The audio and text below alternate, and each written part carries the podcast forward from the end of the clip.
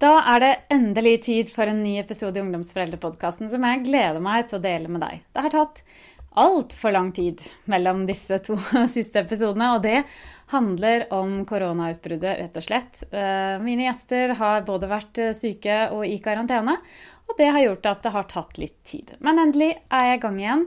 Og gjest i denne episoden er Maria Nymo, og vi skal snakke om eh, millenniumsgenerasjonen, som hun holder mye foredrag om. Hun jobber selv som leder. Og jeg syns det er interessant å få lære mer om hvordan, hvilken generasjon vi er en del av, hvordan det preger oss. Det er en helt koronafri episode. Jeg trengte for min del òg å bare snakke om noe annet, rett og slett. Og det gjorde ganske godt.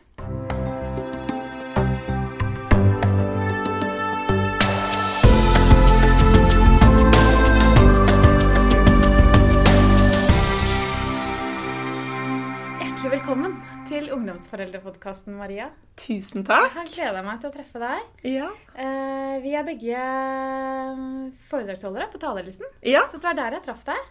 Eh, og du holder altså foredrag om bl.a. millenniumsgenerasjonen. ja. Men du, kan du ikke først begynne med å fortelle litt om deg selv? Jo, eh, jeg må jo si at jeg syns det er litt morsomt at jeg er med på en sånn podkast som handler om det å være ungdomsforeldre. For jeg er jo selv 28 år og har verken barn eller ungdomsbarn, da. Men eh, jeg har mange meninger om millennials og generasjon, unge, kommende generasjoner, da. Så jeg håper jeg har litt å komme med. Eh, Maria heter jeg. Jeg er 28 år. Jeg bor her i Oslo på Majorstua med samboeren min. Eh, og jeg er veldig glad i aktivitet. Jeg jobber også på SATS som instruktør. Eh, og så er jeg jo da over gjennomsnittet interessert i dette med ledelse, og spesielt ledelse av kommende generasjoner, da. For jeg ser at det er så mye nytt man må tenke på. Eh, og det er også derfor jeg holder foredrag om det. Og når jeg ikke gjør det, så jobber jeg i DNB. Har en veldig spennende rolle der. Jobber med innovasjon og nye tjenester. Eh, og så har vi akkurat kjøpt oss et hus i Lofoten. Oi, så spennende. Ja, det er veldig gøy. Ja. Så vi skulle jo gjerne vært der nå i påsken, eh, men sånn ble det ikke. Og det, men det er jo også fordi jeg er veldig glad i fjellturer, da. Eh, ja. Ja, Du sier jo, du syns det kanskje var litt rart å bli invitert hit. Det er jo nettopp fordi jeg syns at den derre det med generasjonene og hva som preger de ulike generasjonene, syns jeg er veldig spennende. ja. Eh, Men du, før vi slipper det helt, du er utdannet siviløkonom også? Ja, og det må jeg jo si. Jeg er utdanna siviløkonom, sånn skikkelig blå siviløkonom fra Handelshøyskolen i Bergen. Men eh, akkurat nå tar jeg også en videreutdanning i noe som heter gestaltcoaching. Eh, som er en videreutdanning i coaching, egentlig. Eh, og det gjør jeg litt fordi jeg ser at det å være en god coach er så ekstra viktig, da. Hvis du skal være en god leder for kommende generasjoner. Eh, så det tar jeg på deltid ved siden av jobb, eh, og tror det vil være veldig bra å ha med seg inn i en eh, lederrolle hvis man skal lede kommende generasjoner, da. Også, du skjønner, Det jeg syns er litt spennende, eh, Maria, og som jeg har blitt mer opptatt av det siste, er at det å være en forelder hjemme Ja. med en familie, det er på mange måter veldig likt som det å være leder i en Ja. bedrift. det er jo litt sånn eh, Sånn føler i hvert fall jeg det eh, at det er. da. Eh, Nå har jeg en stor familie, så det er mange å lede. Ja, ja, ja. Og jeg, jeg syns det er mange likhetstegn. Eh, og jeg tror vi har egentlig ganske mye å lære av å se litt på hva fungerer. Hva er godt lederskap i bedrifter og i organisasjoner? Mm. Og hva kan vi faktisk hente derfra og ta med oss inn i foreldrerollene? For det er ganske mye likt. ja. Og så har vi, jeg tror vi har mye å vinne på, å, på å skape litt bro der. Fordi, Ja. Ikke fordi vi skal gjøre det til noe sånn eh, profesjonelt som vi skal lære oss, nødvendigvis. Men fordi vi kan bli enda bedre foreldre, tror jeg. Og vi kan bli enda bedre lærere. Nei, lærere har du hørt det òg. Men ledere, i hvert fall. ja. Ja, hvis vi er litt bevisst da, på, på hva vi gjør, og, og på hvordan vi påvirker hverandre. Mm. Eh, både i familien og i en bedrift. ja. Mm. Men du, eh, før du skulle komme her i dag, da, så måtte jeg google litt. For jeg Ja. ikke så til ja, disse her, eh, disse millenniumsgenerasjonen. hva- Når, når var de født, og litt sånn. Og når jeg googlet det, så kom det opp veldig mye forskjellige generasjoner. ja. Altså eh, generasjon Z, ironigenerasjonen, generasjon X, snøfugggenerasjonen. Altså, det, det, kan du Kan du hjelpe oss å sortere ja. litt i dette her?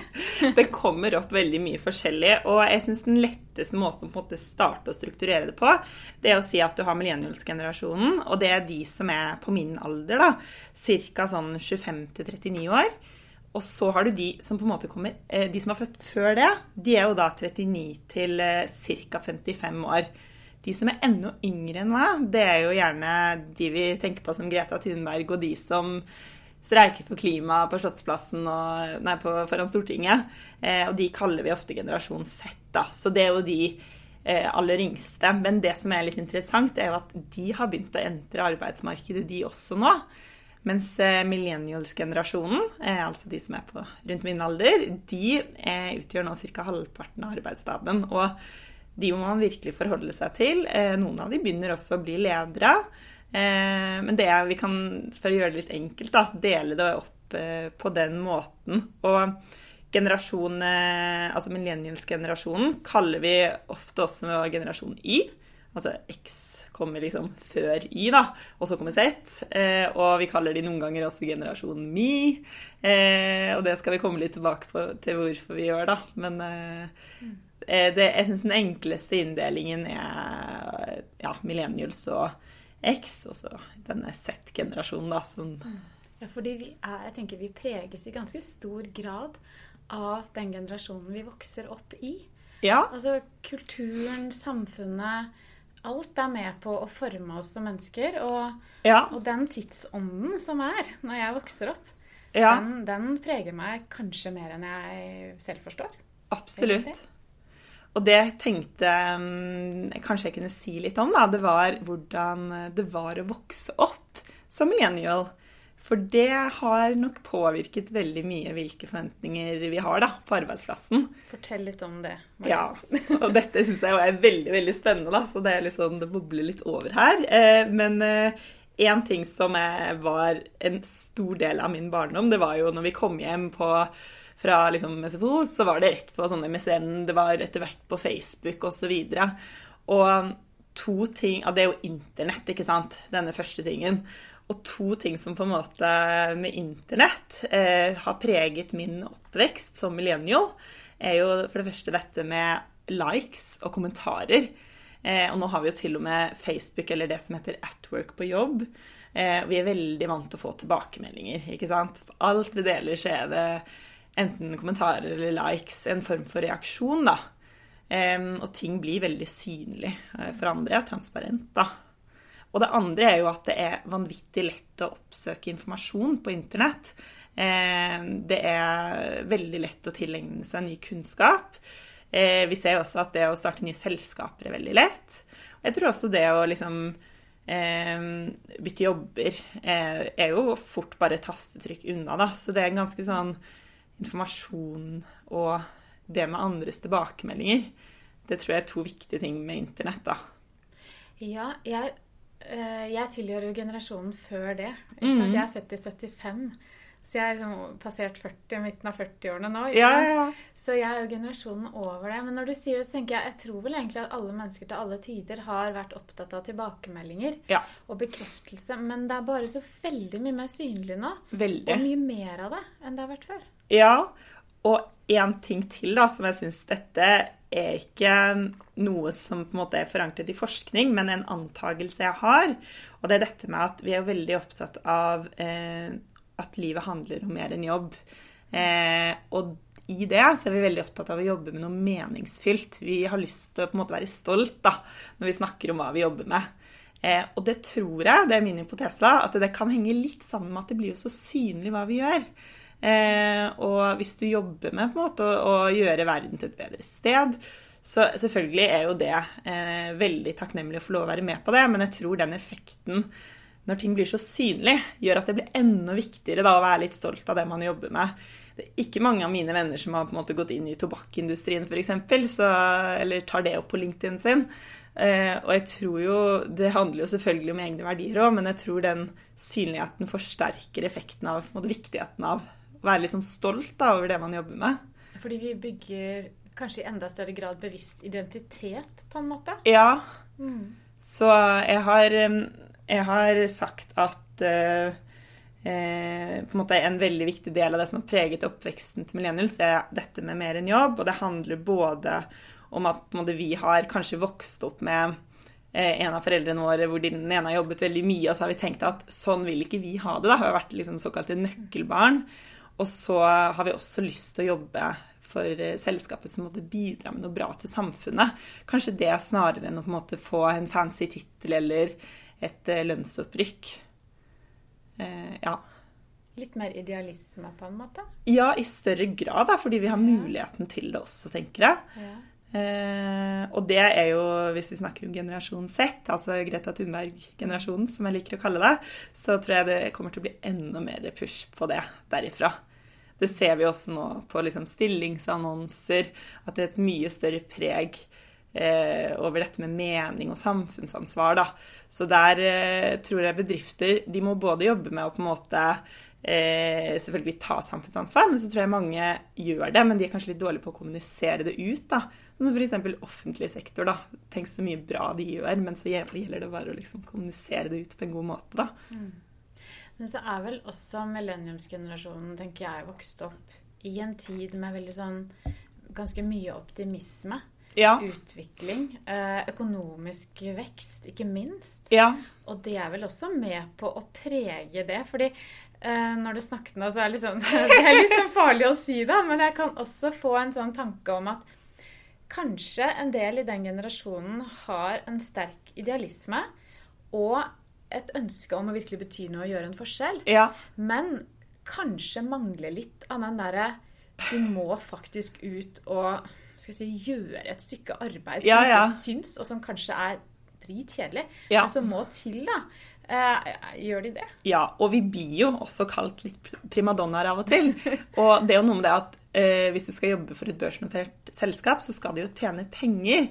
Og ellers så må du jobbe for Redd Barna og på en måte gjøre noe sånn. Eh, så det er jo av og til sånn, tror jeg. At man kan få liksom følelsen av at disse millennialsene trenger en liten reality check. Jobb er jobb, på en måte. Eh, men det leder meg jo videre til en annen ting da, som jeg har sagt, og det er at eh, oppveksten vår er preget av dette med muligheter. Vi har hatt foreldre som har sagt du kan bli hva du vil. Det har vi fått høre. Og om det var popstjerne eller brannmann, så spilte ikke det så stor rolle, da. Og mange Altså, vi kan jo det omtrent i Norge òg, da. Og jeg tror kanskje foreldregenerasjonen eh, min i større grad var opptatt av at ja, men jobb det hadde man for å få mat på bordet og liksom penger inn. Og det var ikke sånn at eh, vi skulle bidra til å endre verden eller på en måte jobbe nødvendigvis med bærekraft og samfunnsansvar. Det var en fin bonus, kanskje, men jobb var jobb, da. Eh, og der tror jeg det er et veldig stort skifte. Og eh, ja, jeg ser jo det også på en måte i min vennegjeng at eh, vi heier veldig på de som f.eks. slutter i store selskap og starter for seg selv. og Snarere det enn sånne som meg som jobber i DNB, da. For det må jeg synes det er kult. Så heier vi mye mer på de som gjør noe litt annet, og de som ja, veldig sånn skal ut og endre verden, da. så vi er nok eh, litt sånn kravstore, men jeg tror også Kanskje vi har eh, litt muligheten til det. Men er det ikke også en generasjon som har vokst opp egentlig med ganske høye krav til seg? Jo. Fordi jeg tenker at i det som du sa, det der du kan bli hva du vil mm. Det er noe som jeg snakker litt om når jeg holder foredrag, ja. faktisk. Eh, fordi jeg sa det til min eh, eldste sønn, som var født i 98. Da han var veldig liten, så sa jeg det til han. Og så, og så har jeg tenkt mye på det. Ja. Blant annet fordi en svigerinne av meg sa at dette der stemmer jo ikke helt. Han kan jo ikke bli hva han vil. Og så tenker jeg, kan han ikke det? Og så ble det en refleksjon hos meg. da. Ja. Um, og så tenkte jeg, har jeg tenkt at det er jo egentlig ikke helt sant. Uh, det har jeg tenkt i etterkant. Ja, ja. Fordi når jeg sa liksom, du kan bli hva du vil, så tenkte jeg ikke helt sånn helt ærlig liksom Ikke hva du vil. Akkurat hva du vil, men i det så ligger det litt sånn du kan bli noe stort. Ja. Du liksom kan bli en som virkelig liksom, gjør en forskjell, da. Ja. Og det er en ganske tung byrde å vokse opp med.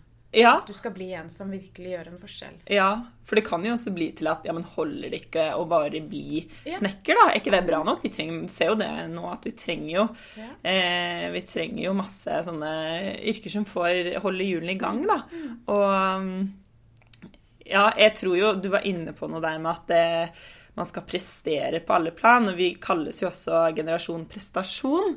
Eh, og mm, vi har jo også eh, høyest utdanning av alle generasjoner. Sånn doble mastergrader. Det var jo et fenomen som ikke eksisterte før. Og hvor liksom nødvendig det kan jo diskuteres. Eh, men vi er mm, veldig opptatt av det, og i hvert fall nå snakker jeg på vegne kanskje litt av mitt nærmiljø, men opptatt av å prestere på jobb, på trening. Vi skal være, holde kontakt med familie, venner. Eh, og gjerne ha noen hobbyer i tillegg. Eh, og har nok veldig høye krav til oss selv og samfunnet rundt oss, da. Eh, det kan jeg kjenne meg veldig igjen i, at jeg har høye krav til meg selv, men ikke minst også de rundt meg, da. Eh, og eh, ja, det jeg kan nok se på generasjonen som kommer etter oss, at de er litt mer opptatt av det å kjøre litt sin egen stil. Eh, ja, at det å være seg selv, på en måte, eh, blir sett litt mer opp til. Eh, mens for min del så er det litt sånn prestere på alle plan, da. Og det kan bli litt slitsomt. ja, det, den ser jeg egentlig. At kanskje de som er yngre, så ti år yngre, da. Mm. De som er i tenårene nå. Ja. Kanskje, ja. I større grad uh, har større frihet, ja. Kanskje ikke så, høye, ikke så høye krav til seg. Tenker du? At ja, sånn litt... utad kan det oppleves ja. sånn, men uh, så vet jeg ikke hvordan det De er i hvert fall mer opptatt av dette med eh, samfunnsansvar, gode verdier, at det kommer fremfor eh, kanskje hvordan du presterer sånn rent resultatmessig på jobb og mm jeg vet ikke hvordan det oppleves med gode karakterer på skolen osv., men jeg syns jo alle har så høye krav. Det virker som de har høye krav. Det tror jeg gjelder for den generasjonen også. Det er ja. mitt inntrykk da med barn i tenårene. Ja. At det er jammen meg høye krav. Eh, det er jo litt sånn varierende hvor høye krav de stiller til seg selv, men jeg syns det er høye krav fra skolen, liksom. Altså samfunnet generelt. Ja. Det stilles høye krav. Men er den generasjonen som nå er eh, i tenårene, er de kanskje enda Eller at de kanskje er litt mindre opptatt av disse likesene? Ja. At de er mer De bruker sosiale medier mer som kommunikasjon og som, som en måte å være sammen på. Ja. Men hvor, mens disse likesene er, tilhører kanskje en mer generasjon ja, Jeg syns jo nå at omtrent bare er bestemødre og foreldre som er på Facebook. Ja, men, ja. men, at det med disse likesene, at det kanskje har preget litt Jeg tror heller det kanskje er noe vi har tatt med oss eh, inn i hva vi har behov for hos en leder. At vi trenger mye mer eh, coaching snarere enn en sånn sjef, da, for å kalle det det, eh, på arbeidsplassen. At vi trenger at det vi ser i, hos en leder, da jeg, tror de som ikke er klar over det, kan få en liten sånn aha-opplevelse. Fordi lederrollen eh, for millennials og generasjonen etter det må være mye mer coachende. Eh, man må nesten tenke at Du skal liksom legge til rette da, for at eh, kommende generasjoner skal eh, gjøre jobben sin på best mulig måte. Og det handler jo egentlig bare om god ledelse. Men jeg tror at eh, det er så mange muligheter i dag at hvis du ikke liksom når opp til de kravene, så forsvinner eh, man mye raskere enn tidligere generasjoner. da. Altså Før i tiden så jobbet man jo samme sted eh, i hvert fall ti år. Mm. Og sånn er det ikke nå hvis man ikke leverer på god ledelse, da. Nei, altså Lederstilen Det er jo ingen som tenker at uh en sterk autoritet eller en sånn en, en, god leder er ikke en som er veldig sterk. Eller, eller en veldig, ja. nei, veldig streng og nei, ja, Da kan du jo gjøre jobben selv. Da trenger du ikke ja. team under deg, på en måte. Nei. Så nå er vel målet i større grad dialog? Ja, legge til rette og motivere og tenke at uh, du er litt sånn eh, dirigenten da, som leder, eh, og så får du de andre til å prestere og skinne, da. Det er i hvert fall sånn, litt sånn musikk i mine ører, da. ja, og det tenker jeg preger hele samfunnet. Det, det preger eh, mm. de som jobber som ledere. Eh, ja. Men det preger de også på hjemmebane. Eh, ja. For jeg tenker, her er det en parallell. Ja, her har foreldrestilen vår også endret seg i takt med det. Fra å være autoritære, som, mm. som min foreldre, besteforeldregenerasjon var, så har vi gått til å bli foreldre som er i dialog. Ja, og der er du inne på noe litt sånn kult òg, fordi jeg pleier ofte å dra det eksempelet med at vi har vært vant til å bli veldig involvert. da. Det har vært liksom et poeng i seg selv å spørre barna sine om sånn Ja, hva syns du? Helt fra de er liksom bitte små. Da, bare sånn Ja, hva vil du ha på deg, kjære barnet mitt, på tre år? på en måte. Det er veldig sånn er, Det er et poeng i seg selv, da. Og det også tror jeg eh, man må være litt opptatt av når man eh, leder nye generasjoner. Jeg startet karrieren min eh, i Ernst Young. Eh, og da var jeg jo bare jeg tror jeg var 22 år, når jeg var 23 kanskje, når jeg var ferdigutdanna. Og da var det liksom rett ut eh, til kunde og det var veldig viktig at vi skulle Vi hadde noe som het on the job training. da, At vi skulle bli liksom kastet veldig ut i det og mene ting og Ja. Um, og det var jo veldig mye læring i det, men jeg, det så, jeg husker jeg syntes det var så kult at de liksom trodde at jeg kunne mene noe om ting og Ja. Um, så det hadde jeg en god erfaring med der. Uh, og så tror jeg ikke det er sånn Noen steder så tror jeg det er litt sånn at du må ha noen år på erfaring før du får lov å være med på de viktige tingene, da. Men jeg tror nok at det går den veien ja, som ja, ja. du opplevde. Um, ja. I større grad. Det tror jeg er fremtiden, egentlig. Uh, fordi vi også kanskje anerkjenner barna i større grad Ja, enn det ja. vi har gjort tidligere. Og, og når de er vant med det, når de, blir, når de er vokst opp i familier der de får lov til å, å mene noe og, og bli spurt om, om ting, og Ja, ja. også får den anerkjennelsen og respekten som ligger i det, så vil de forvente det når de kommer ut. Ja, og så tror jeg eh, den liksom kunnskapen som eh, de sitter på, da Jeg ser sånn som lillebroren min. Han hadde ikke lærebøker i alle fagene sine engang, for det var så mye nytt som kom hele tiden. Eh, og det var litt mer sånn teknisk utdanning. Og han tar også liksom enkeltemner nå på Blindern for å holde seg oppdatert. Og tenk hvis du jobber med sånn som jeg jobber jo med teknologi og sånn, hvor viktig det er å liksom bruke de unge hodene som har nye måter å se ting på, og ikke minst huske på at eh, sånn som DNB lager jo tjenester for eh, eh, kunder, som ofte er unge. Eh, og da er det jo viktig at vi også tar med de unge i å utvikle disse tjenestene. Da. Så det å på en måte erkjenne at eh, de yngre generasjonene har nye liksom, ting å se, de ser ting på andre måter, at det kan være veldig verdifullt. da. Mm. så jeg tror eh, kanskje siden ting endrer seg så fort, så er det enda viktigere da, å ta med liksom alle generasjonene. Og ja.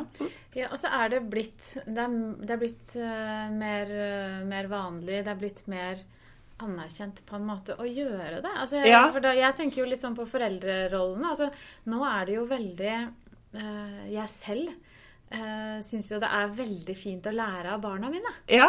Og jeg syns det er helt fantastisk at de på noen områder er klokere enn meg. Ja. Og det syns jeg er så fint å se. Ja, Og jeg, jeg kan spørre de.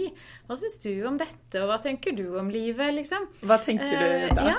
Nei, det kan være alt Nå har jeg en, han min eldste sønn studerer filosofi, da. Ja.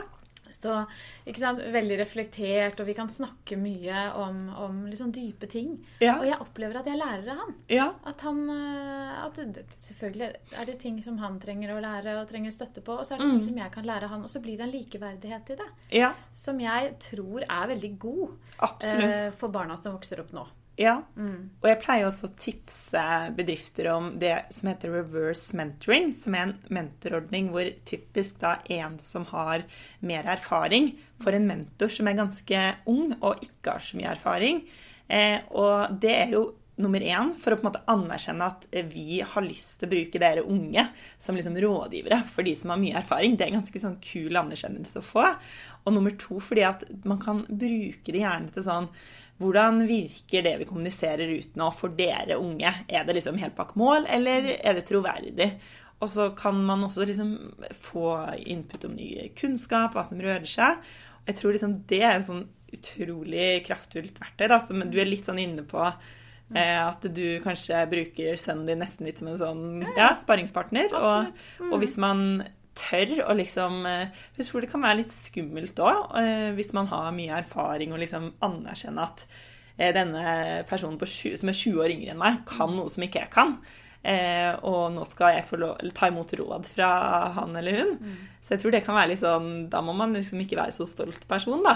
Nei, det krever, eh, krever en trygghet, tenker jeg, Ja. i seg selv. Å vite at eh, jeg, jeg kan mine ting. Ja. Eh, Men så kan jeg åpne opp for alt det jeg kan lære av de nye øynene. Ja. Og den nye måten å, å se ting på. Og det er, jo, det er jo det som vi Jeg har jo veldig tro på det. Absolutt. Og jeg tror de som tør å liksom gjøre det, og som tør å være litt sånn eh, åpne for at de yngre får komme til og slippe til, da får man til mye kult, altså. Så det er jeg tror jeg bedriftene gjør det bra. Hvis de Ja. klarer å Og det blir veldig, et veldig bra sted å jobbe da, for unge folk. Ja.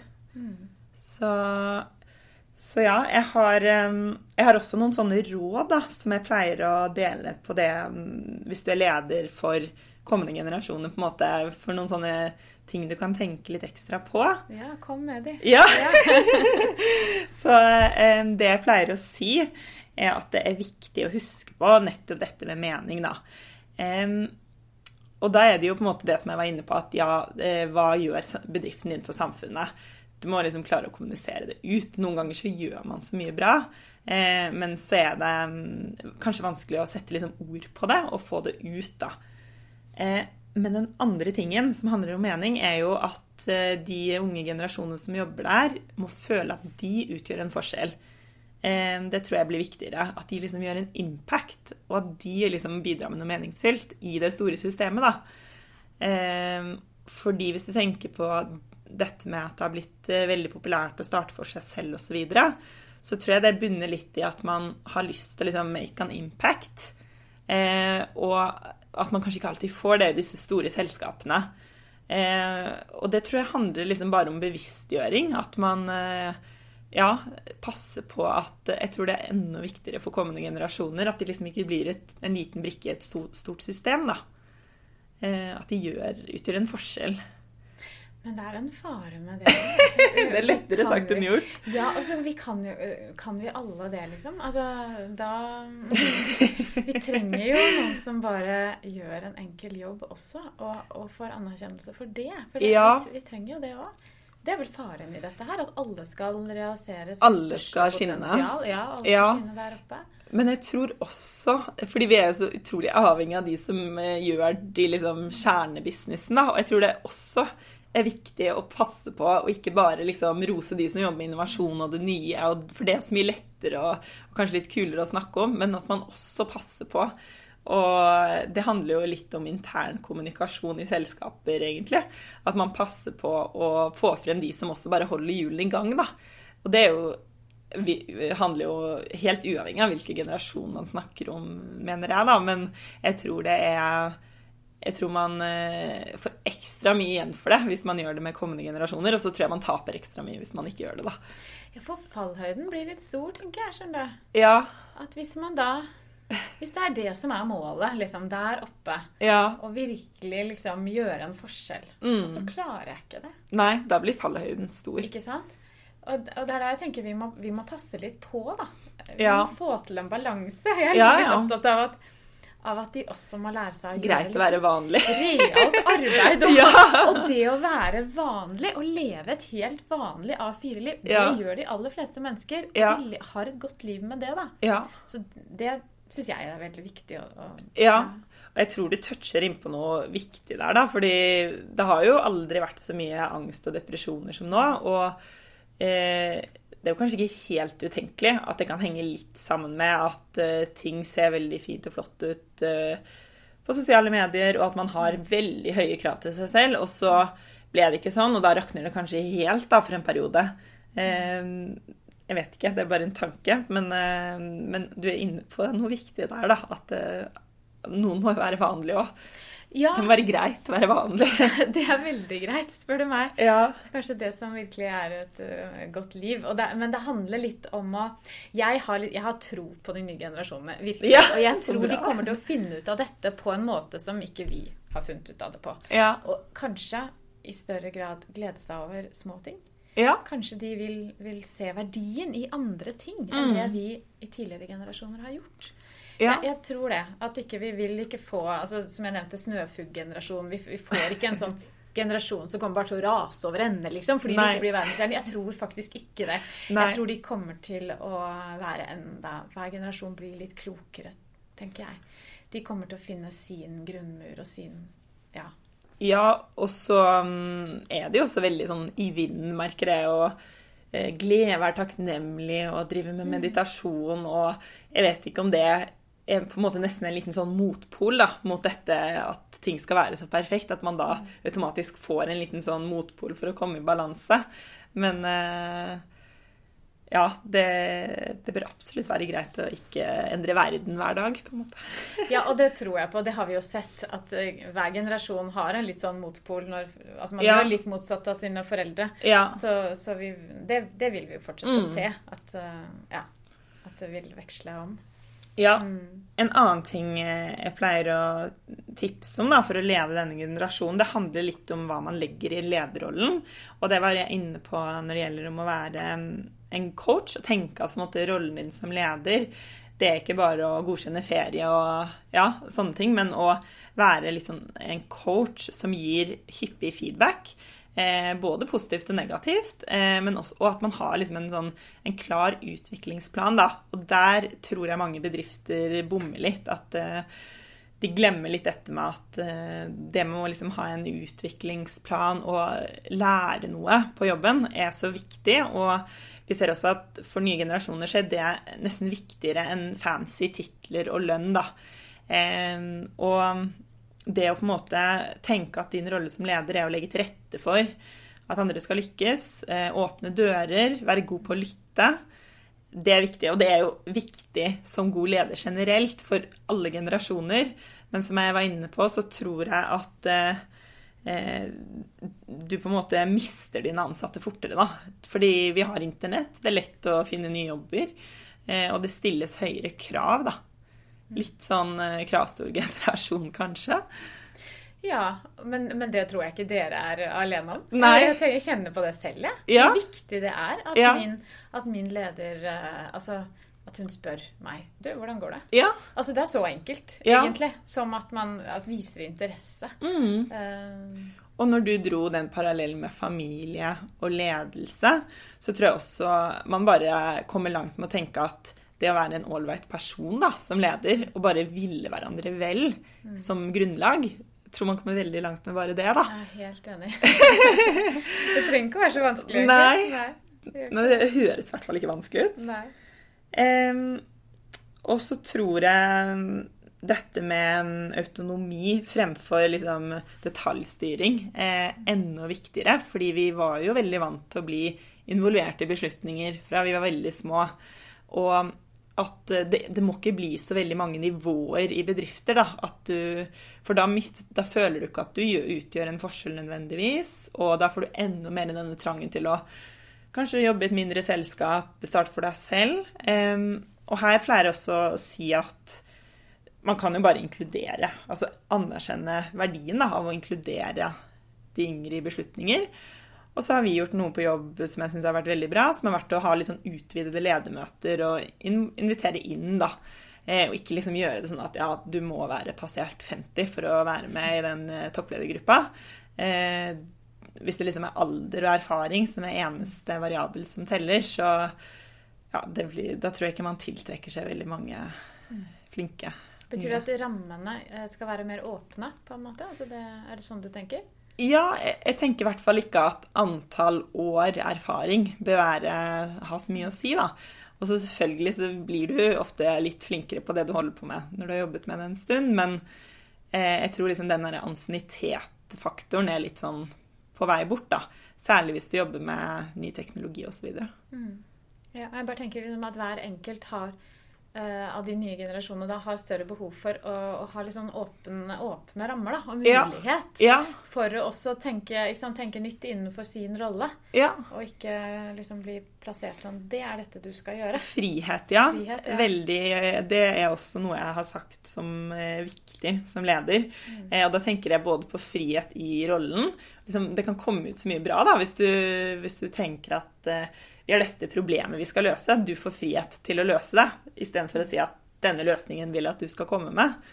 Eh, men også frihet når det gjelder liksom rammene rundt arbeidsplassen din. Det å f.eks. kunne jobbe litt sånn mer fleksibelt. Eh, vi har jo så mye løsninger nå at eh, om du sitter liksom hjemme på kafé på sånne felles arbeidssteder Det bør ikke ha så mye å si, da. Og det bør ikke være sånn at antall timer på kontoret er det som teller, men faktisk det du leverer, da. Og, den, og det å gi liksom den friheten, det tror jeg eh, det er no, Man sier vel at sånn frihet eh, gir ansvar eller et eller annet sånn. Og eh, det å på en måte gi frihet, det er en form for å gi, vise at du har tillit til en person òg, da. Så jeg tror i hvert fall det motsatte, det å ikke gi frihet, kan slå veldig feil ut. Mm. Ja, det tror jeg òg. Og så tenker jeg jo, nå, nå har jo ikke vi snakket så mye om at vi er vi er liksom midt inne i en pandemi akkurat nå. Jeg hadde lyst til at det skulle være litt sånn koronafritt. Ja, det skjønner jeg. Vi kan ikke høre om det hele tiden, så vi snakker om noe annet. Men uh, dette, eh, denne situasjonen liksom, Ja. som vi er i, gjør jo noe med uh, vårt forhold til teknologi og utvikling. Altså jeg tenker vi, vi tar jo et kjempeskritt nå. Ja, ja, ja. Um, som kommer til å, å prege den muligheten for å jobbe mer fleksibelt, da. enn Ja. Det vi har gjort. Absolutt. Eh, og det gjør jo også at eh, vi får jo egentlig ganske mye frihet. Eh, og eh, selv så syns jeg det var utrolig deilig de første dagene. For jeg jobber nesten Jeg har jo ikke noe barn hjemme, så jeg jobber jo nesten mer effektivt hjemme. Eh, men eh, jeg savner jo litt eh, nå å være på kontoret, skal jeg innrømme. Men eh, jeg må jo si at jeg, jeg føler jo full tillit til det at jeg får sitte hjemme og får gjort ting. Men hadde det ikke vært sånn, så Eller jeg hadde følt at jeg liksom måtte ha en avsjekk annenhver time, så hadde jeg nok blitt veldig demotivert, da. Eh, og jeg håper jo at vi kan ta med oss noe av det vi har lært nå, da.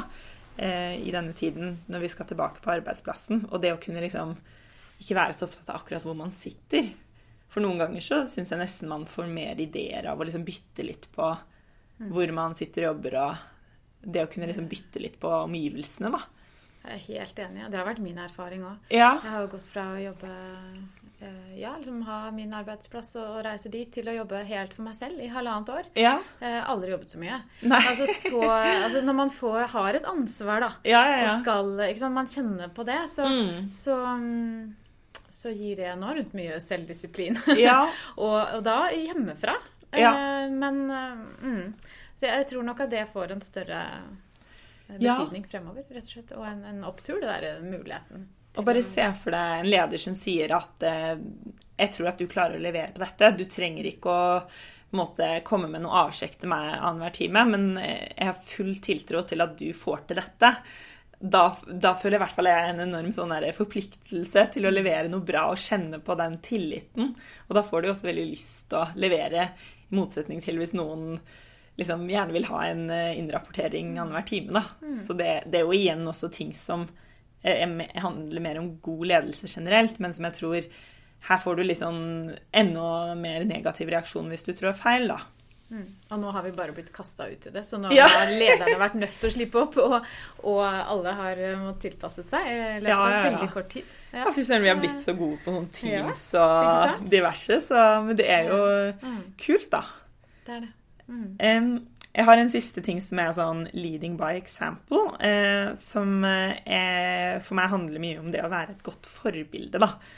Eh, jeg vet ikke om du har lagt merke til at bedrifter sånn som eh, Anita Traaseth i Innovasjon Norge, tidligere Innovasjon Norge osv., det er jo personer, eller ledere, blir kanskje i større grad eh, det er forventet at de liksom skal bjuda litt mer på, da. Eh, og jeg tar meg selv i å være ganske opptatt av at de lederne har, er liksom personer jeg kan se litt opp til.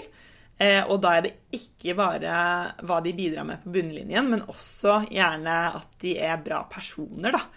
Eh, at de har gode verdier, eh, og at de er forbilder. Ja, og jeg liker ekstra godt kanskje Nå er jeg jo kvinne, og det som jeg husker når jeg jobbet i Ernst Young, første jobben der, var at det var veldig få kvinner på topp. Og særlig kvinner som hadde barn, da. Eh, og det setter jeg veldig pris på der jeg jobber nå, at det er mange liksom, forbilder.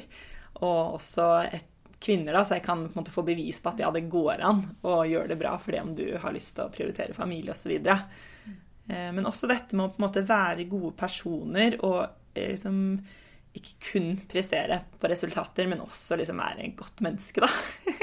Det er kanskje litt selvsagt, men jeg tror det er enda viktigere nå, da. Man har ikke lyst til å jobbe for drittsekker, på en måte. Nei, man har ikke det. Og det å at man, vi blir mer personlig, rett og slett. Mm, ja. Og det har sosiale medier på mange måter hjulpet oss til. Ja, ja, Vi deler mer av oss selv. Og Ja. når, vi blir, når vi får tettere bånd på arbeidsplassen og føler at vi Ja. blir mer kjent med hverandre, så gjør jo også det veldig mye. Mm. Jeg har jo mange Mm. av kollegaene mine på Vi har sånn Snapchat-gruppe i avdelingen, og vi har sånn noe som heter Facebook at work på jobb, hvor vi deler både det ene og det andre. Og det blir jo, man blir jo veldig godt kjent med hverandre. Mm. Uh, ja. Er det noe mer uh, når det gjelder millenniumsgenerasjonen, Maria, som du har lyst til å Um, en ting som jeg har lyst til å si, da, nå har jeg vært veldig sånn opptatt av generasjoner osv., men jeg har lyst til å si at det viktigste jeg tenker du gjør som leder, det er å minne deg selv på at folk er forskjellige. Så ikke sett dem i bås. Eh, ikke Først og fremst må man huske på at de er ulike individer. Og liksom gi, deg, gi dem litt tid til å vise hvem de er. Eh, for noen tar det veldig kort tid, og for andre tar det mye lengre tid. Eh, og det er jo noe jeg også gjennom den utdanningen jeg tar i coaching, så lærer jeg veldig mye om forskjeller på folk og hvordan vi tolker andre. Eh, og jeg tror det er viktigere enn generasjoner, men så tror jeg du får veldig mye liksom, forklaring på ting ved å tenke på hvordan har oppveksten til denne generasjonen vært, sammenlignet med andre generasjoner. Men husk på at du har ekstroverte og liksom introverte personer, da. Eh, det er det aller, aller viktigste. Bruk litt sunn fornuft, rett og slett. Det kan man komme ganske langt med, ja, man kan det. Ja. Jeg tenker jo den utdannelsen du tar innen gestalt eh, coaching, eh, det er vel også en utdannelse der du lærer mye om deg selv?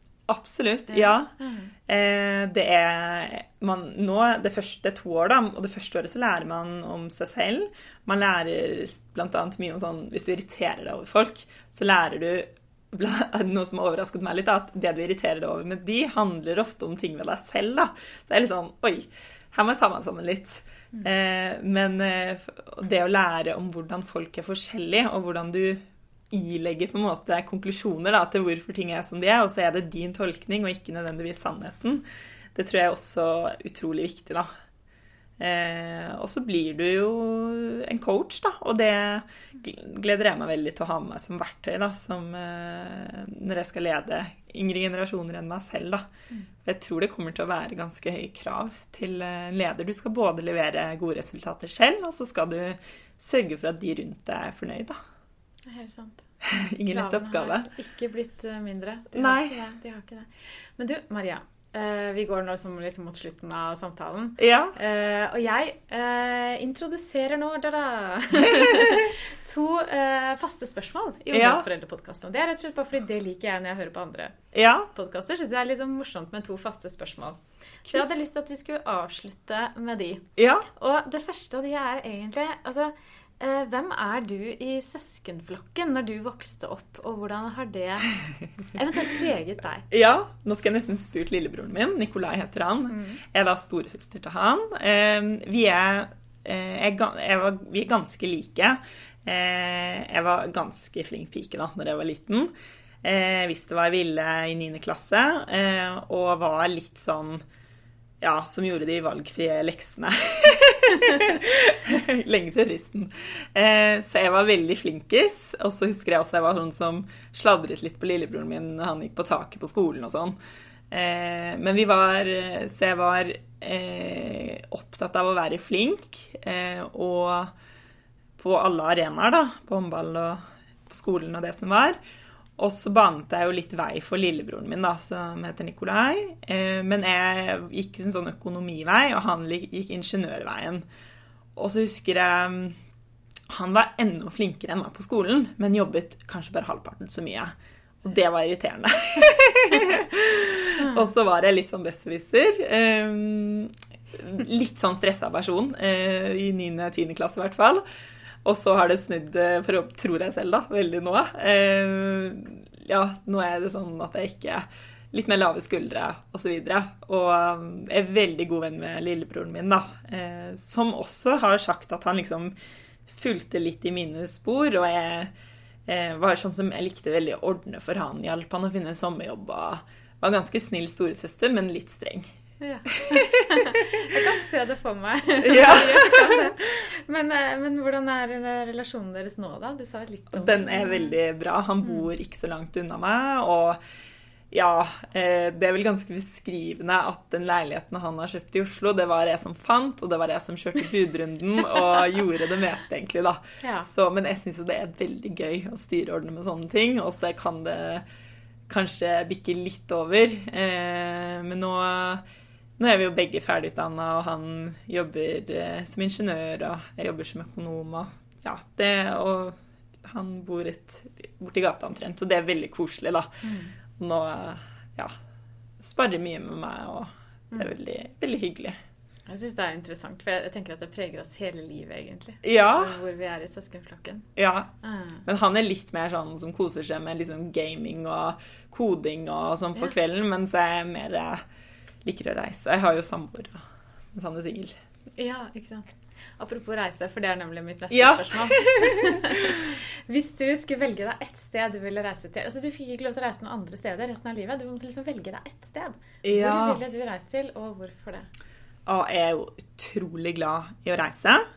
Eh, og så er jeg veldig glad i en litt sånn Altså jeg er veldig glad i fjell, men jeg er også veldig glad i sol. Og det er jo derfor vi har kjøpt det huset i Lofoten. Og der er det ikke alltid så fint vær. Eh, så jeg tror kanskje jeg hadde valgt å reise til Jeg var i Portugal i fjor på den tiden. Eh, Og det var så fint langs langs Algarvekysten der. Eh, og det er ikke så langt å reise. Jeg tenker litt sånn praktisk. Jeg jeg er veldig glad i Seychelles nå, men der, dit er det langt. Og eh, ja, det er litt mer hassle å komme seg dit. Eh, så jeg tenkte egentlig jeg skulle si det, men jeg tror jeg sier Portugal, faktisk. For der kan du liksom kjøre rundt, og det er forskjellige byer og eh, veldig sånn mange soldøgn. og det er jo deilig, og ikke så langt. Eh, og du kan gjøre liksom forskjellige ting. Så jeg tror jeg hadde valgt det. Ja. Det høres fint ut. Der har jeg vært òg. Det er et veldig fint sted. Mm. Ja. Du Maria, tusen takk Jo, for alt som du har delt. Mye informasjon på kort tid, sikkert. Ja ja, men det har vært veldig interessant. Jeg har Ja. lært masse. Takk Så skal du gøy. ha. Bare hyggelig.